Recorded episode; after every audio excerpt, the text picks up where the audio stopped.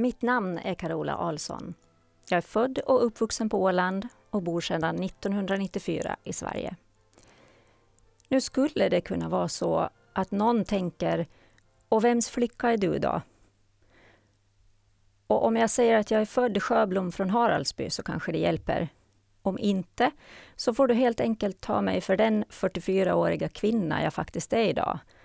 Och det var ju trots allt 24 år sedan jag flyttade från Haraldsby. Anledningen till att jag sommarpratar är för att jag har startat en podcast som heter HSP-podden. För något år sedan hörde jag talas om att det finns ett personlighetsdrag som på engelska kallas HSP, Highly Sensitive Personality, eller högkänslighet. Det där gäller nog mig, tänkte jag och sprang vidare i mitt liv. Men så en dag i oktober 2016 var jag tvungen att stanna upp. För jag fick ett besked som ingen vill ha. Min läkare sa, Carola, du har bröstcancer.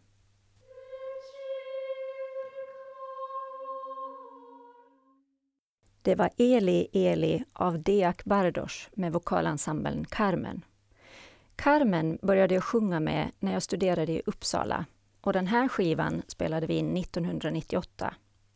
Jag har funderat över det här med att berätta för hela Åland och några till om mitt bröstcancerbesked. Ja, jag vill ju helst inte bli, du vet hon där som berättar i radio att hon har bröstcancer i resten av mitt liv. Men när jag själv fick mitt besked så började jag genast fundera på om någon av mina vänner har varit med om något liknande. Efter ett tag kom jag på att en gammal sångarkompis till mig hade lagt sin behandlingsresa på Facebook ungefär ett år tidigare. Jag ringde upp henne och det var så otroligt skönt att få prata med någon jag känner som har varit med om i princip samma sak.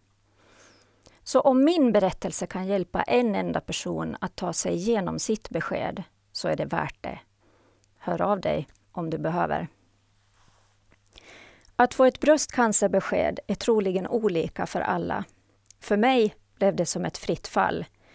Du vet, den där galna åkattraktionen på Gröna Lund, där du sitter och dinglar med fötterna.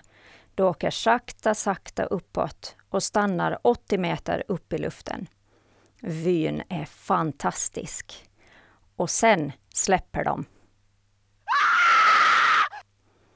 Ja, förnuftet vet ju att du kommer att falla en liten stund och sen stannas din stol precis när du kommer ner till marken. Men kroppen vet att med den här farten så kommer du garanterat att krossas och dö där nere. Men du vet inte när. Precis så var det för mig den där dagen i oktober att få mitt cancerbesked.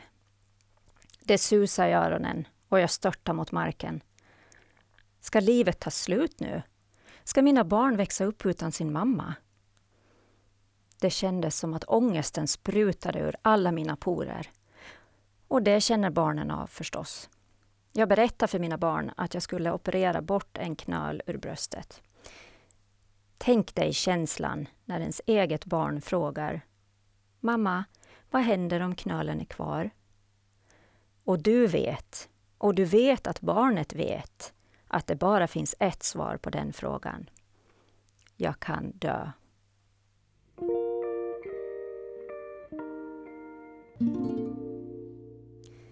Det där var Det gåtfulla folket av Olle Adolfsson i tolkning av My och Mats.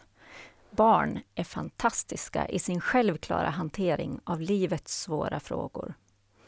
Och jag kommer aldrig att ljuga för mina barn eller jo, kanske en liten vit lögn för ädla syften någon gång, eftersom ärlighet är inte alltid rätt och ibland väldigt brutalt. Men inte om så här viktiga saker. De känner definitivt om jag inte talar sanning och det skapar ju mycket större oro än sanningen. Den här sången, Det gåtfulla folket, har jag sjungit nästan varje kväll i fem års tid. Men jag har tänkt många gånger att det är ju inte barnen som bor i ett främmande land. Det är vi vuxna som har skapat så mycket förhållningsregler så det blir onaturligt att vara människa. Vi har till och med skapat ett ord för natur, som att vi människor inte längre skulle vara en del av naturen. Det blev en helt galen vårdcirkus. tiotals blanketter att fylla i med samma information på varje, trots att jag varje gång godkände sammanhållen journalföring. Jag undrar vad det betyder egentligen. Ja, det verkar inte fungera i alla fall. Jag hörde ett föredrag på IT i vården-dagen om att Estland har ett väldigt bra nationellt system för journalföring, där alla vårdgivare och även du som medborgare har tillgång till det. Men på Kristina-kliniken och på Karolinska var det inte bara väldigt osammanhållen journalföring utan även tiotals informationsblad om operationen, fast med delvis olika information.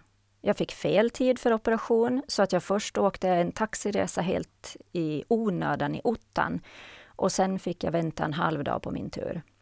Och när det äntligen blev min tur för operation, då dök fel kirurg upp. Då tänkte jag att om jag hade gjort mitt jobb på det här sättet, då har jag blivit uppsagd för länge sedan. Och så sa jag, nej, nu går jag hem. Men precis då kom min kirurg. Samma vecka som operationen fyllde min man Jakob år. Vi hade planerat för en fest. Och vi hade bokat en kock som skulle komma hem till oss. Vi hade bjudit in folk. Och vi funderade, hur ska vi göra? Vi bestämde oss för att köra pokerface. En bra fest var precis det vi behövde. Och när den här låten dök upp på småtimmarna så talade den direkt till mig.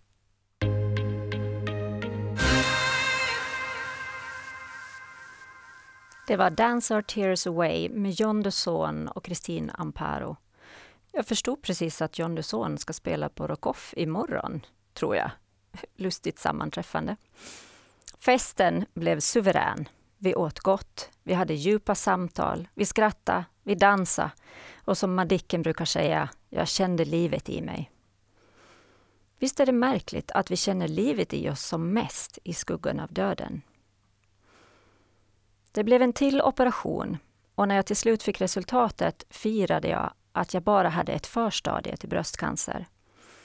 Men av en slump fick jag veta att det var nog inte helt rätt. Och på grund av att jag tog upp det så ändrade läkarna min behandlingsrekommendation. Den var alltså också fel. Nu tappar jag allt förtroende för sjukvården. Jag och min man läste forskningsrapporter som aldrig förr. Jag blev den där besvärliga patienten och hennes besvärliga man. Tack Jakob för att du var med på alla läkarbesök och stod där vid min sida som en orubblig klippa.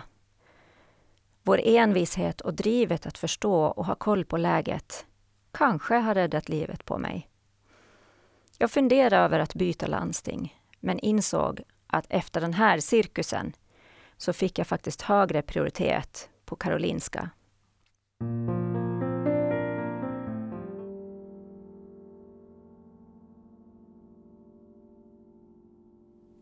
du lyssnar på Sommarprat med mig, Carola Alsson. Och det där var Titanium med Gavin Mikael.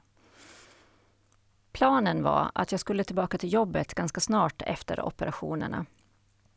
Men när jag fick veta att jag fått fel information, fel behandlingsrekommendation, plus att en av Sveriges mest välrenommerade onkologer säger vi kan inte utesluta att du har en eller fler tumörer kvar i bröstet. Då börjar det fria fallet igen. Jag var på jobbet någon timme. Jag förstod knappt vad mina kollegor pratade om. Eller varför. Kuratorn på Bröstcentrum bekräftar att mina kognitiva förmågor har tagit paus. Kroppen fokuserar på att bearbeta krisen och det är ingen idé att försöka lära känna nya människor eller bygga förtroende, för hjärnan är inte med på det tåget. Jag blir sjukskriven igen. Och jag var tvungen att göra något annat än att läsa forskningsrapporter för att fylla på mig själv. Jag behövde sjunga. Jag hittade en annons om att Ekerö-ensemblen sökte sångare till en Mozartkonsert. Jag fick noter hemskickade och i väntrummet till strålningen satt jag med lurar och noter och studerade in min körstämma.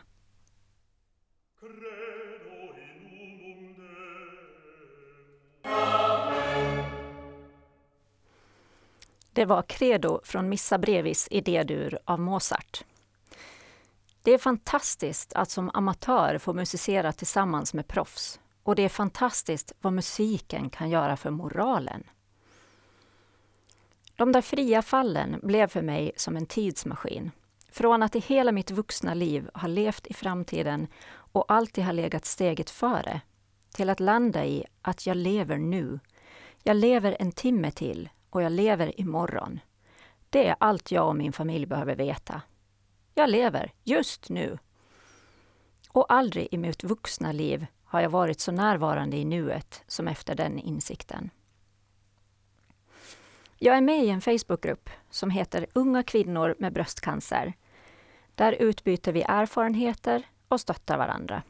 Vi firar friskförklaringar, vi sörjer återfall och ibland dödsfall. I den gruppen är det flera som har vittnat om att de har gjort en hel omvändning i livet. De byter jobb, de skiljer sig, de flyttar och så vidare. Andra vittnar om att de är nöjda med att komma tillbaka till vardagen och sitt lilla ekorrhjul, för då är livet normalt igen. Jag vill tillbaka till vardagen, men inte tillbaka till framtiden. Tvärtom. Jag är nöjd med att vara i nuet. Och hur galet det än kan låta är jag tacksam för att jag fick bröstcancer. Och HSP-podden hade definitivt inte kommit till annars. Idag vet jag att min avklarade strålningsbehandling och femåriga medicinering ska ta hand om eventuellt kvarvarande cancerceller och att risken för återfall är extremt liten. Planen är att jag ska bli friskförklarad i slutet av december 2021.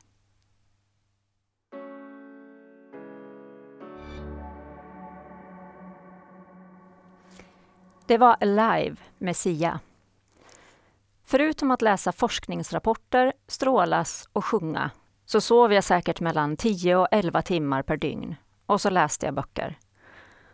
Jag återkom till personlighetsdraget högkänslighet och började läsa den amerikanska psykologen och forskaren Elaine Arons bok om högkänsliga barn. Och jag kände igen mig själv i väldigt mycket. Men vad betyder egentligen högkänslighet? 15 till 20 procent av jordens befolkning och även vissa djur har det här personlighetsdraget. Det innebär att de tar in mer information och bearbetar den djupare. Det kan leda till att de lätt blir överstimulerade och behöver dra sig undan för återhämtning. Och syftet ska vara att upptäcka faror för att skydda flocken. Det finns ett självtest av Elaine Aron som du kan göra, som har 23 påståenden som du ska svara antingen falskt eller sant på. Om du svarar sant på mer än 12 påståenden så är du högkänslig. Det här testet hittar du en länk till på HSP-poddens Facebook-sida under rubriken Om. Vissa tycker att det här testet inte är bra och att det saknas påståenden från vissa områden. Men jag tänker att det ändå är en bra fingervisning. Andra säger att det bästa sättet att veta om du är högkänslig är att läsa Elaine Arons bok Den högkänsliga människan. Det finns olika typer av högkänslighet. Här kommer några beskrivningar som passar in på mig. Är väldigt medveten om detaljer, nyanser och små kontraster. Är uppmärksam på sociala icke-verbala signaler till exempel ögonkontakt mellan två människor i ett rum med flera människor. Handlar samvetsgrant för att man är så starkt fokuserad på orsak och verkan. Det är vanligt att man som HSP tänker att tänk om alla lämnade skräp efter sig på det viset. Eller om jag inte blir färdig med mitt jobb i tid, då kommer jag ju att sinka andras. Är bekymrad över sociala orättvisor, miljön, djurens rätt, och uttrycker ofta ett starkt känslomässigt engagemang. Till exempel, ja, jag kunde ju inte bara stå där och låta det hända honom. Eller, jag försökte under flera år aktivt att få andra att förstå innebörden av den globala uppvärmningen. Behöver inte så mycket stimuli för att bli upphetsad eller överstimulerad. Detta leder till att man ofta har sämre prestationsförmåga, till exempel vid tävlingar, framträdanden, vid tal i offentliga sammanhang eller när man träffar en välomtalad människa för första gången. Om man observeras av andra när man utför en syssla. Vid tidsbegränsade tester samt på platser som är högljudda eller vid större folksamlingar. Har en hög sensorisk känslighet, darrar lätt och får ofta stora reaktioner av koffein, alkohol och mediciner. Det här är några drag som högkänsliga kan ha. Vill du lära dig mer om högkänslighet så kan du till exempel googla fram en artikelserie som gjordes i Svenska Dagbladet under 2013. Det finns också en beskrivning av Dubrovski som definierar nio sorters olika typer av högkänslighet. Du kan googla på nio typer av högkänslighet. Eller så kan du läsa Elaine Arons böcker förstås. Av de drag som jag nämnt här ovan så känner jag väl igen det där med prestationsförmåga. Jag kan koppla det till min uppväxt när jag sjöng mycket. Jag minns att det gick så bra att sjunga i duschen eller hos min sångpedagog. Men sen när jag stod på scenen var jag aldrig nöjd med min insats.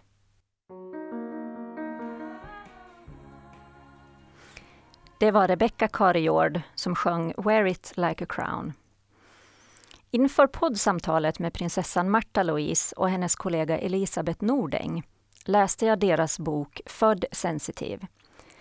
Där skriver Marta Louise om när hon i sin offentliga roll skulle hålla tal som andra skrivit. Hon var så nervös så att benen skakade och hon hade alltid långa kjolar för att det inte skulle synas. Idag står hon ofta på scenen och håller föredrag utan skakande knän. Men nu kommer det också inifrån henne själv, rakt från hjärtat. Aha, där har vi det. Jag kan inte låta bli att också tänka tillbaka på en tjej som jag jobbade med för många år sedan på ett telekomföretag. Jag var konsult och hon var också inhyrd för ett kortare extrajobb om jag minns rätt. Som jag minns henne var hon försynt och väldigt ödmjuk. Hon bjöd in oss på sin skivsläppskonsert och jag gick dit med en kollega. Och jag blev så förvånad. Hur kan upplevelsen av en person bli så annorlunda i två olika sammanhang? Hon strålade, hon ägde hela scenen och hela lokalen när hon framförde sin musik som hon skrivit och arrangerat själv. Jag kände knappt igen tjejen från kontoret. Så här lät det.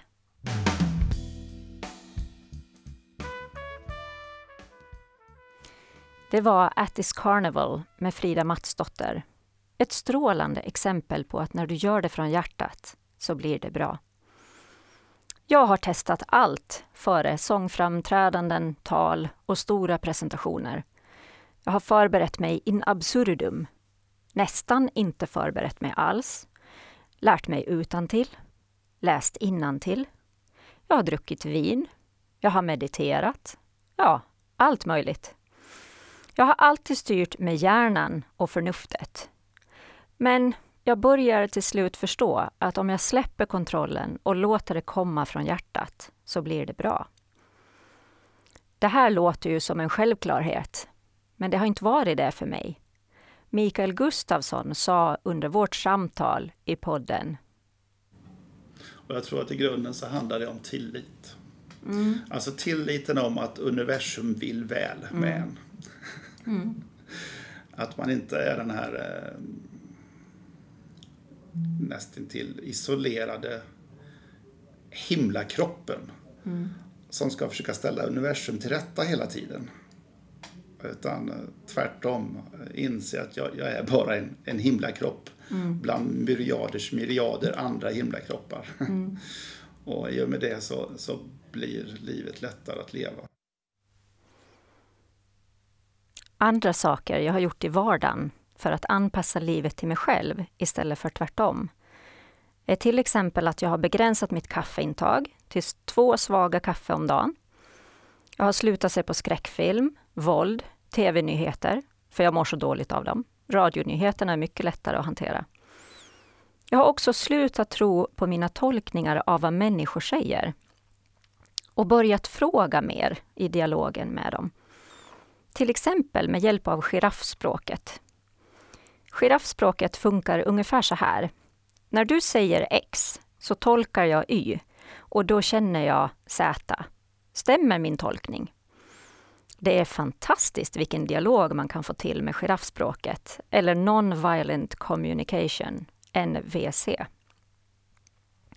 En annan sak som är väldigt tydligt för mig, det är min ljudkänslighet.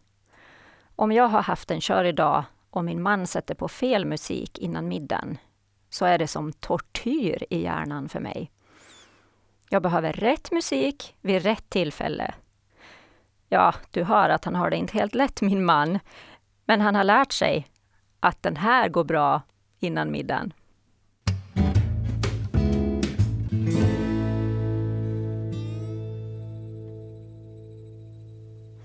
Det var Stacey Kent som sjöng La Venus du Melo. Mina barn plockar upp många av de låtar jag spelar. Den här texten var lite komplicerad eftersom den var på franska.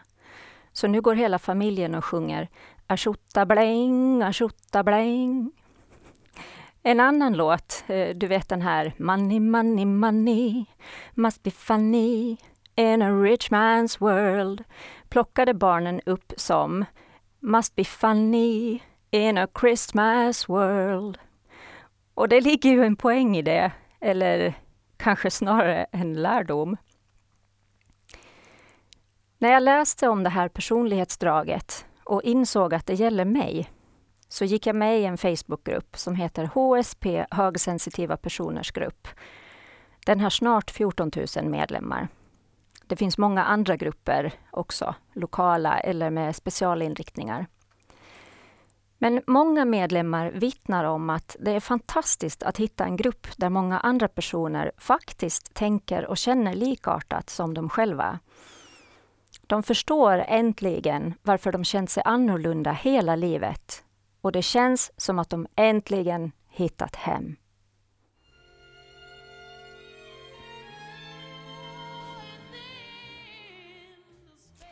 Det var At Last med Etta James.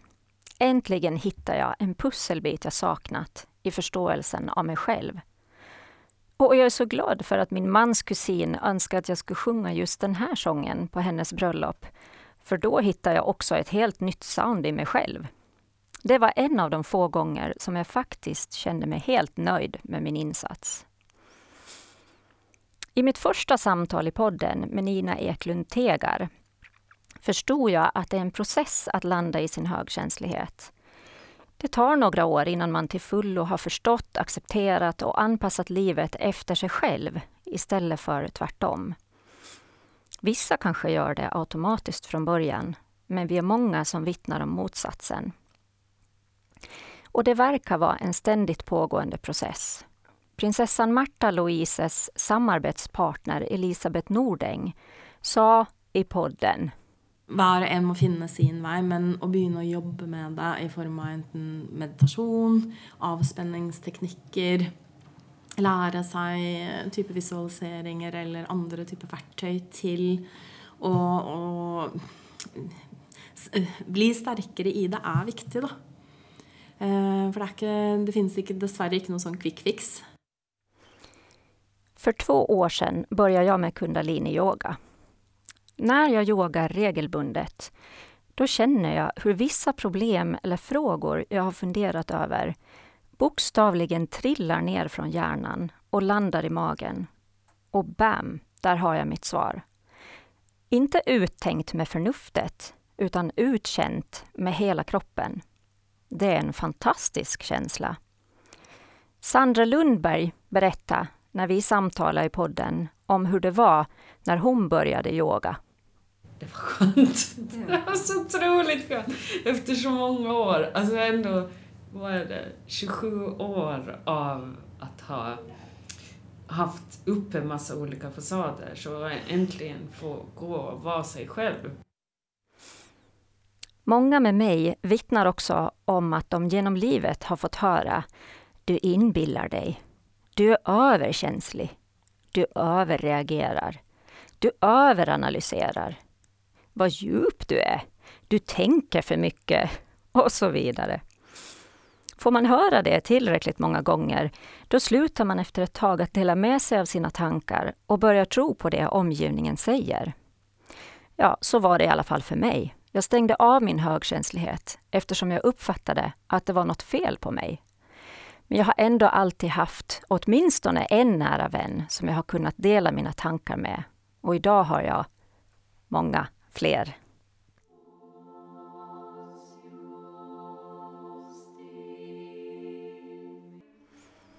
Det var Ås Justi med vokalensemblen Carmen i bearbetning och ledning av Mårten Jansson.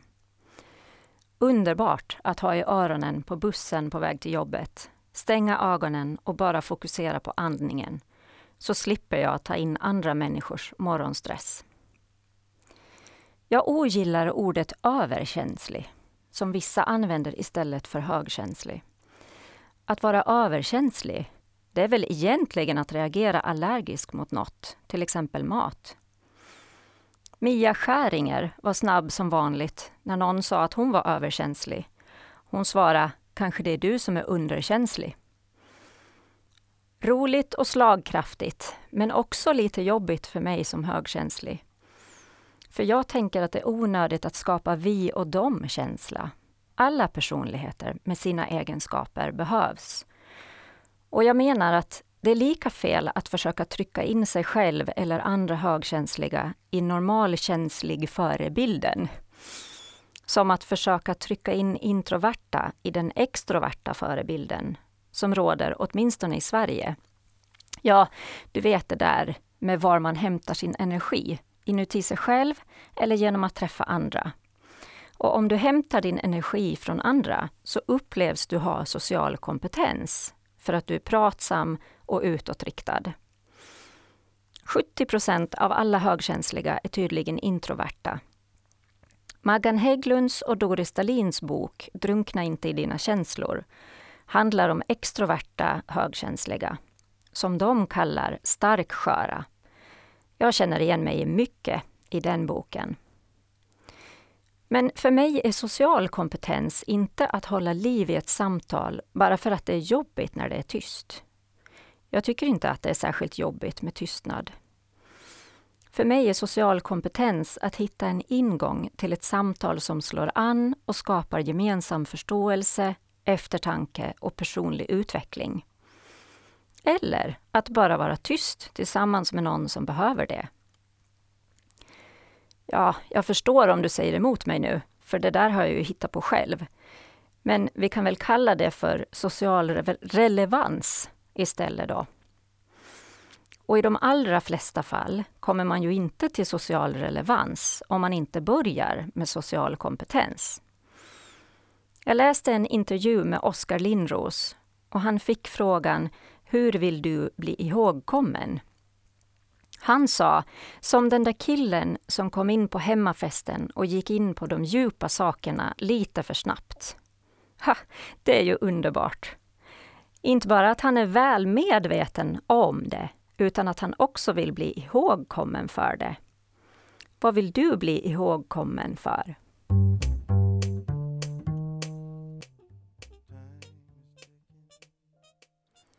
Det var Time is ticking med Gregory Porter. När jag höll på och läste om högkänslighet så tänkte jag att jag vill höra om andra människors erfarenheter av detta. Det måste ju finnas en podcast. Men jag hittade ingen. Så för att få svar på mina frågor startade jag HSP-podden. Jag kan ju ingenting om journalistik, psykologi eller teknik, men jag kunde liksom inte hejda mig. Jag fick en klänning av min man i födelsedagspresent men den satt inte helt bra på mig, så jag bytte den mot en bra mikrofon.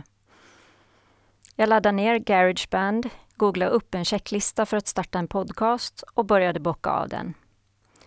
Sen hörde jag om att det var fler som var på gång och då fick jag bråttom. Första avsnittet kom ut i början på april och hittills har det blivit sju avsnitt. Men varför behövs det då att vi pratar om högkänslighet? Jo, för att vi är många som vittnar om att vi som barn, och kanske fortfarande i vuxen ålder, har känt oss annorlunda, utanför, oförstådda och fel. Och det finns förstås fler barn som just nu också har sådana känslor, helt i onödan. Jag tänker att vi vuxna har ett ansvar att lyfta den här frågan och bryta det tabu kring högkänslighet som jag tycker finns. Om HSP-podden kan göra att en person blir nyfiken och lär sig mer, att en annan kan hitta sig själv, en tredje förstår att en av mina elever är högkänslig. Och om det kan göra att livet förändras för ett enda barn, då har jag uppnått mitt mål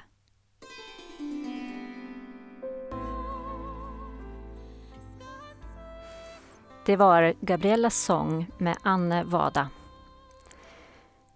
Nu kanske någon kan fundera över varför jag valde den sången. Man kan ju förknippa den med frigörelse från kvinnovåld, som det var i filmen Så som i himmelen. Och det är väl ingen som utövar våld mot högkänsliga? Jo, det är det. Vi själva. Eller åtminstone jag har gjort det. Jag har vänt mina känselspröt utåt och låtit min omvärld styra mina val. Och genom att göra det har jag inte lyssnat inåt, inte lyssnat till mitt eget hjärta och min egen vilja. Och så har jag gått över mina egna gränser om och om igen för andra människors skull eller för inbillade högre syftens skull. Som till exempel en tidigare arbetsgivares resultat men det har jag inte förstått själv förrän jag blivit frustrerad, mått dåligt eller nästan gått in i väggen. Helt galet att det skulle vara ett högre syfte än min hälsa. Och i vissa fall, inte i alla, men nästan, är det till och med så att ingen har begärt det av mig. I alla fall inte uttryckligen. När jag träffade Maggan Hägglund sa hon men om man då inte håller på och tjafsar med känslan och sådär, nej men jag ska, borde inte känna så här. Mm. Alltså att man, om man låter känslan komma och, och respekterar den, känner att det här är ett mejl från mitt inre, det här är ett meddelande, det här är ett viktigt meddelande som säger någonting till mig. Mm. Eller som prinsessan Märta Louise sa. Och så är det väldigt viktigt att säga nej. For eh, eh är väldigt goda på att se andra människor. Ehm, sånn at vi är väldigt goda på att vara där ute hos alla andra och, og blir dårligere på att känna in och känna efter vem du är. Jag har funderat en del över vilka de högkänsliga är. Det borde finnas högkänsliga representerade inom de flesta yrken. Jag läste i någon blogg att majoriteten av artister och musiker skulle vara högkänsliga. Men jag har inte hittat några belägg för det någonstans. Och de enda i offentligheten som jag vet har kommit ut som högkänsliga är Isabella Scorupco och Sofia Helin. Ja, förutom de som jag har samtalat med i podden då. Borde vi inte se och höra mer om de 15 till 20 procent och att de är högkänsliga? Det är ju ändå en och en halv till två miljoner i Sverige. Och på Åland borde det vara ungefär 4 500 personer. Men varför behöver man gå in i garderoben med sin högkänslighet? Jag tänker, som jag nämnde tidigare, att högkänslighet är tabu. Dels har vi högkänsliga kanske hela livet fått höra du är överkänslig och det har varit något negativt. Dels ses det som en svaghet att vara känslig och svagheter vill ingen identifiera sig med. Men som Mikael Gustafsson sa när jag samtalade med honom i podden. Man går till den tekniska världen till exempel. Ehm, så betyder inte, finns det ingen laddning i ordet känslig. Ett känsligt instrument till exempel. Mm. Det vet man ju att det här instrumentet det kan mäta otroligt noggrant och det, det har vi jättestor nytta av. Mm. Men det får inte utsätta för samma eh, störningar så att säga som andra lite större instrument som, gräver lite, som mäter lite, lite större skala. Mm. Så ser jag väl ungefär på, på begreppet känslig. Va? Mm, den är bra. Att det inte finns någon, någon, det finns ingen normativ laddning i det egentligen, utan det är vi själva som gör det. Sant. Eller tänk dig ett känsligt musikinstrument. Kanske en cello som inte kan utsättas för vilka temperaturer eller vilken hantering som helst. Med den känsliga cellon kan det skapas otroligt vacker och njutbar musik. Mikael fick mig att inse att känslig inte i grunden är ett negativt laddat ord. Den laddningen har jag skapat själv. Men nu är det ändring på det. Jag är högkänslig och jag är stolt över det. Tack för att du har lyssnat på Sommarprat med mig, Carola Ahlsson. Om du vill komma i kontakt med mig så finns HSP-podden på Facebook och Instagram. Eller så kan du mejla på hsppodden gmail.com. Jag önskar dig en skön sommar. Och här kommer Ain't No Mountain High Enough med Marvin Gaye och Tammy Terrell.